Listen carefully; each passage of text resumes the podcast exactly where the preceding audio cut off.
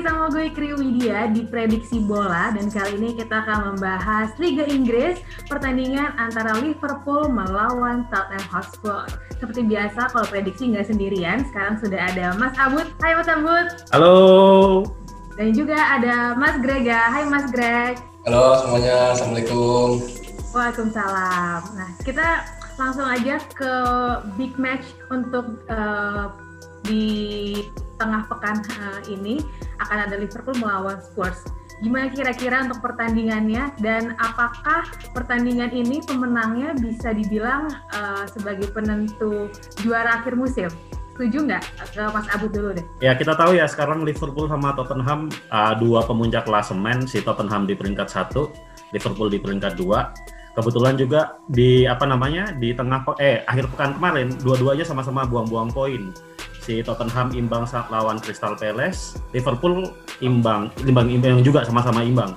Nah kalau dibilang menentukan untuk juara akhir musim kayaknya masih belum ya karena uh, beda dengan musim-musim sebelumnya uh, musim ini nih uh, peta persaingannya lebih terbuka. Jadi dan kita lihat beberapa tim-tim unggulan kayak Liverpool Manchester City itu banyak sekali kepleset uh, kalau dibilang laga ini penting, penting, tapi kalau untuk sebagai penentu bakal juara kayaknya masih terlalu jauh untuk itu. Saya sepakat sama apa yang dikatakan Mas Abud ya. Penting iya, krusial iya, tapi kalau menentukan enggak, karena masih perjalanan masih panjang gitu.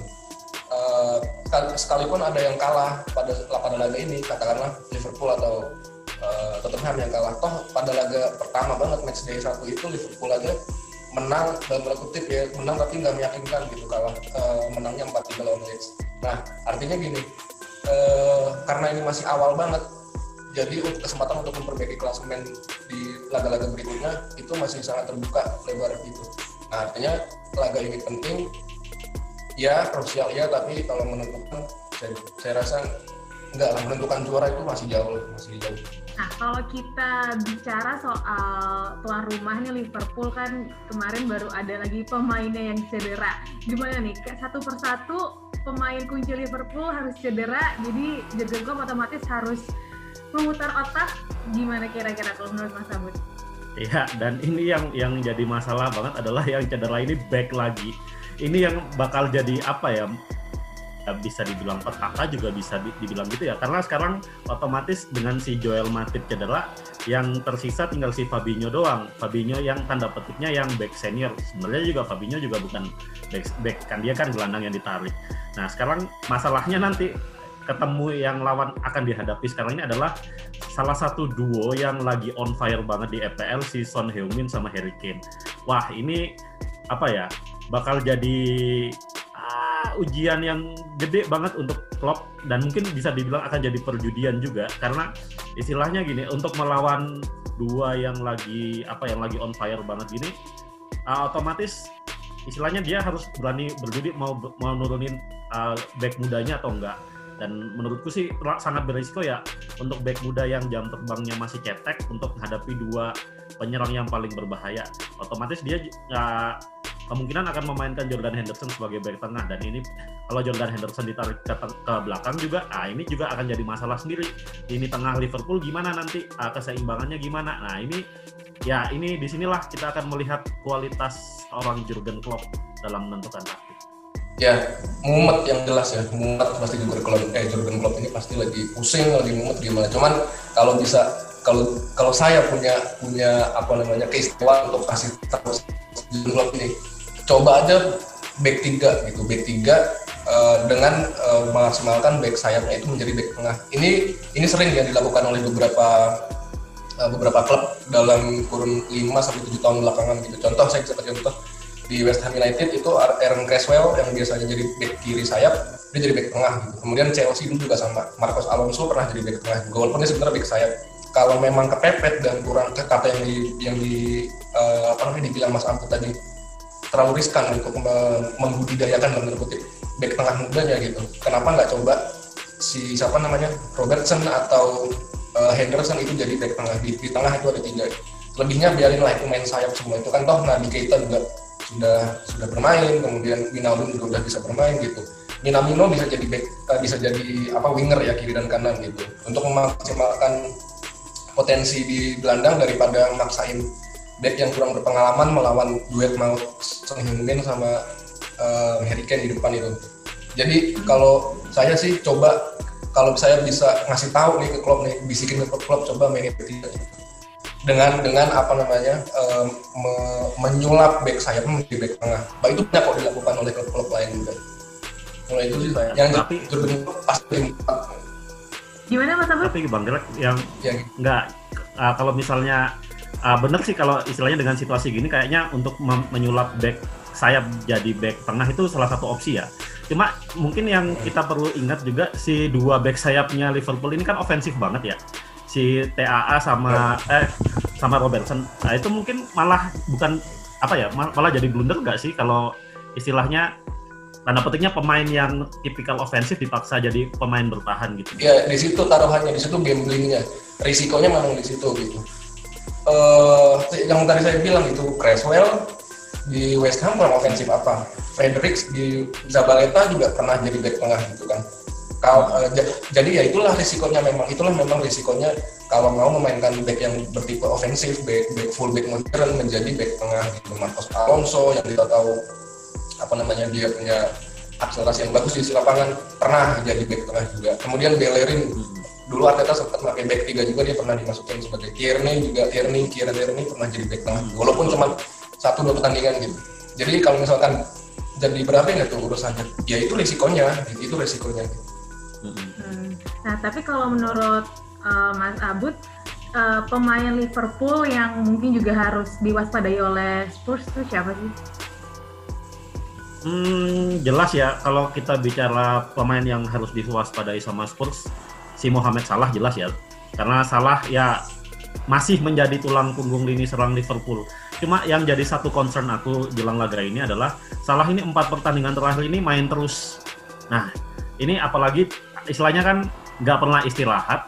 Terus habis ini lawan di pertandingan yang kayak gini. Nah ini apa ya? Bukannya suuzon ya, cuma kayaknya ada ada potensi si Salah ini bakal bakal underperform sih. Karena apa ya itu dia ma dimainin terus. Yang yang bikin aku gak habis pikir sih yang lawan Midtjylland yang liga terakhir Liga Champions.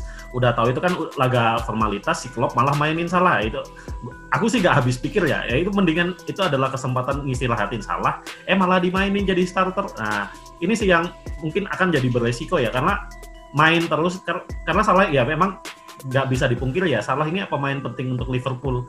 Cuma juga Klopp juga harus tahu kapan harus mengistirahatkan. Nah ini sih yang akan jadi apa ya perjudian besar nanti ketika lawan Tottenham. Hmm, kalau Mas Greg selain Salah kira-kira siapa Mas Greg? Masih salah sih, masih salah dan Mane masih dua itu. Karena kalau ini tengahnya kecuali kalau itunya pada sehat ya Liverpool kemudian di tengah ada Fabinho bisa main kemudian Henderson Wijnaldum itu masih bisa main ya. Sudah pasti saya bakal nyebut Thiago Alcantara juga. Gadi Saka saya bisa nyebut eh Gadi Saka sorry saya dan Sakiri saya bisa nyebut uh, Wijnaldum dan Fabinho adalah roomnya di, di Liverpool sebenarnya gitu untuk urusan uh, sebagai jembatan bridging dari dari dari belakang ke tengah ke depan itu ya seorang Thiago Alcantara dan um, Fabinho. Masalahnya kan ini kemungkinan besar kemungkinan besar Fabinho bakal ditarik mundur ke belakang kan untuk mengisi posisi di tengah. Jadi pemain berbahaya di Liverpool masih akan menjadi milik Salah gitu. Yang kedua kemudian ada uh, Mane. Yang ketiga saya bisa bilang Robertson. Itu aja sih. Hmm. Oke, okay, tapi kan kita tahu nih kalau Spurs kan mereka bertumpu sama dua Son dan juga Harry Kane. Nah kalau nanti misalnya pemain Liverpool bisa membendung salah satu dari Son ataupun Harry Kane, nah nanti apakah mereka akan bisa main sendiri itu antara uh, Kane dan juga Son? Sabut. Uh, kalau misal kalau kita bilang dengan situasi Liverpool saat ini ya, uh, jujur saya agak meragukan kalau Liverpool bisa membendung Son sama Harry Kane. Cuma yang yang perlu diingat juga uh, musim ini Liverpool punya lini tengah yang bagus. Ada si Pierre Emil Højbjerg, terus ada si siapa ya? Lini tengahnya itu bagus banget. Jadi istilahnya uh, bisa menopang si Kane sama si Son. Jadi ketika misalnya Son katakanlah Liverpool dengan ada keajaiban ya si Liverpool, si Liverpool bisa membendung Kane sama Son.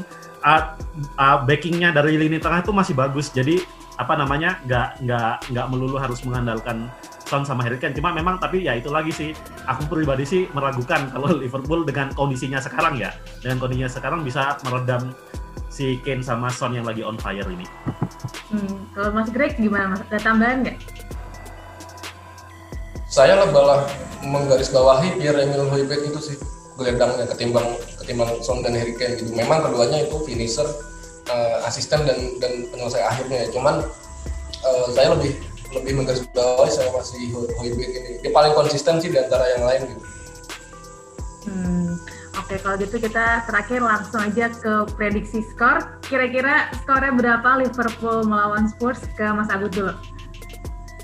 Ya, uh, untuk seperti yang tadi ya, karena dengan situasi yang kayak gini, uh, jujur saya meragukan Liverpool bisa membendung.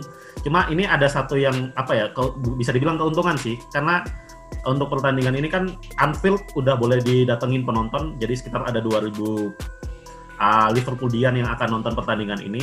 Yeah. Cuma saya rasa meskipun tetap ada Liverpoolian, uh, mohon maaf Liverpool kayaknya kalah 2-1 sama Tottenham. Waduh, kalau Mas Greg gimana? Anfield ya, satu-satu. Liverpool satu, Tottenham satu. Satu-satu. Oke, kalau gitu kita lihat saja apakah berhasil imbang seperti prediksi Mas Greg atau Liverpool harus kalah di, di kandang sendiri dan juga di hadapan pendukungnya untuk pertama kali semenjak pandemi ya. Oke, kalau ya, gitu. Betul Terima kasih Mas Abud dan juga Mas Greg. Dan untuk kalian, gue ingetin juga untuk saksikan Liga Inggris antara Liverpool melawan Tottenham Hotspur hari Kamis malam jam 3 dini hari tanggal 17 Desember dan juga untuk review dan update-nya langsung aja ke bola.com dan juga bola.net. Kalian juga bisa dengerin prediksi bola secara lengkap di podcast bola.com hanya di Spotify. Kalau gitu kita bertiga pamit undur diri. Sampai jumpa. Sampai jumpa. Dadah. Sampai jumpa.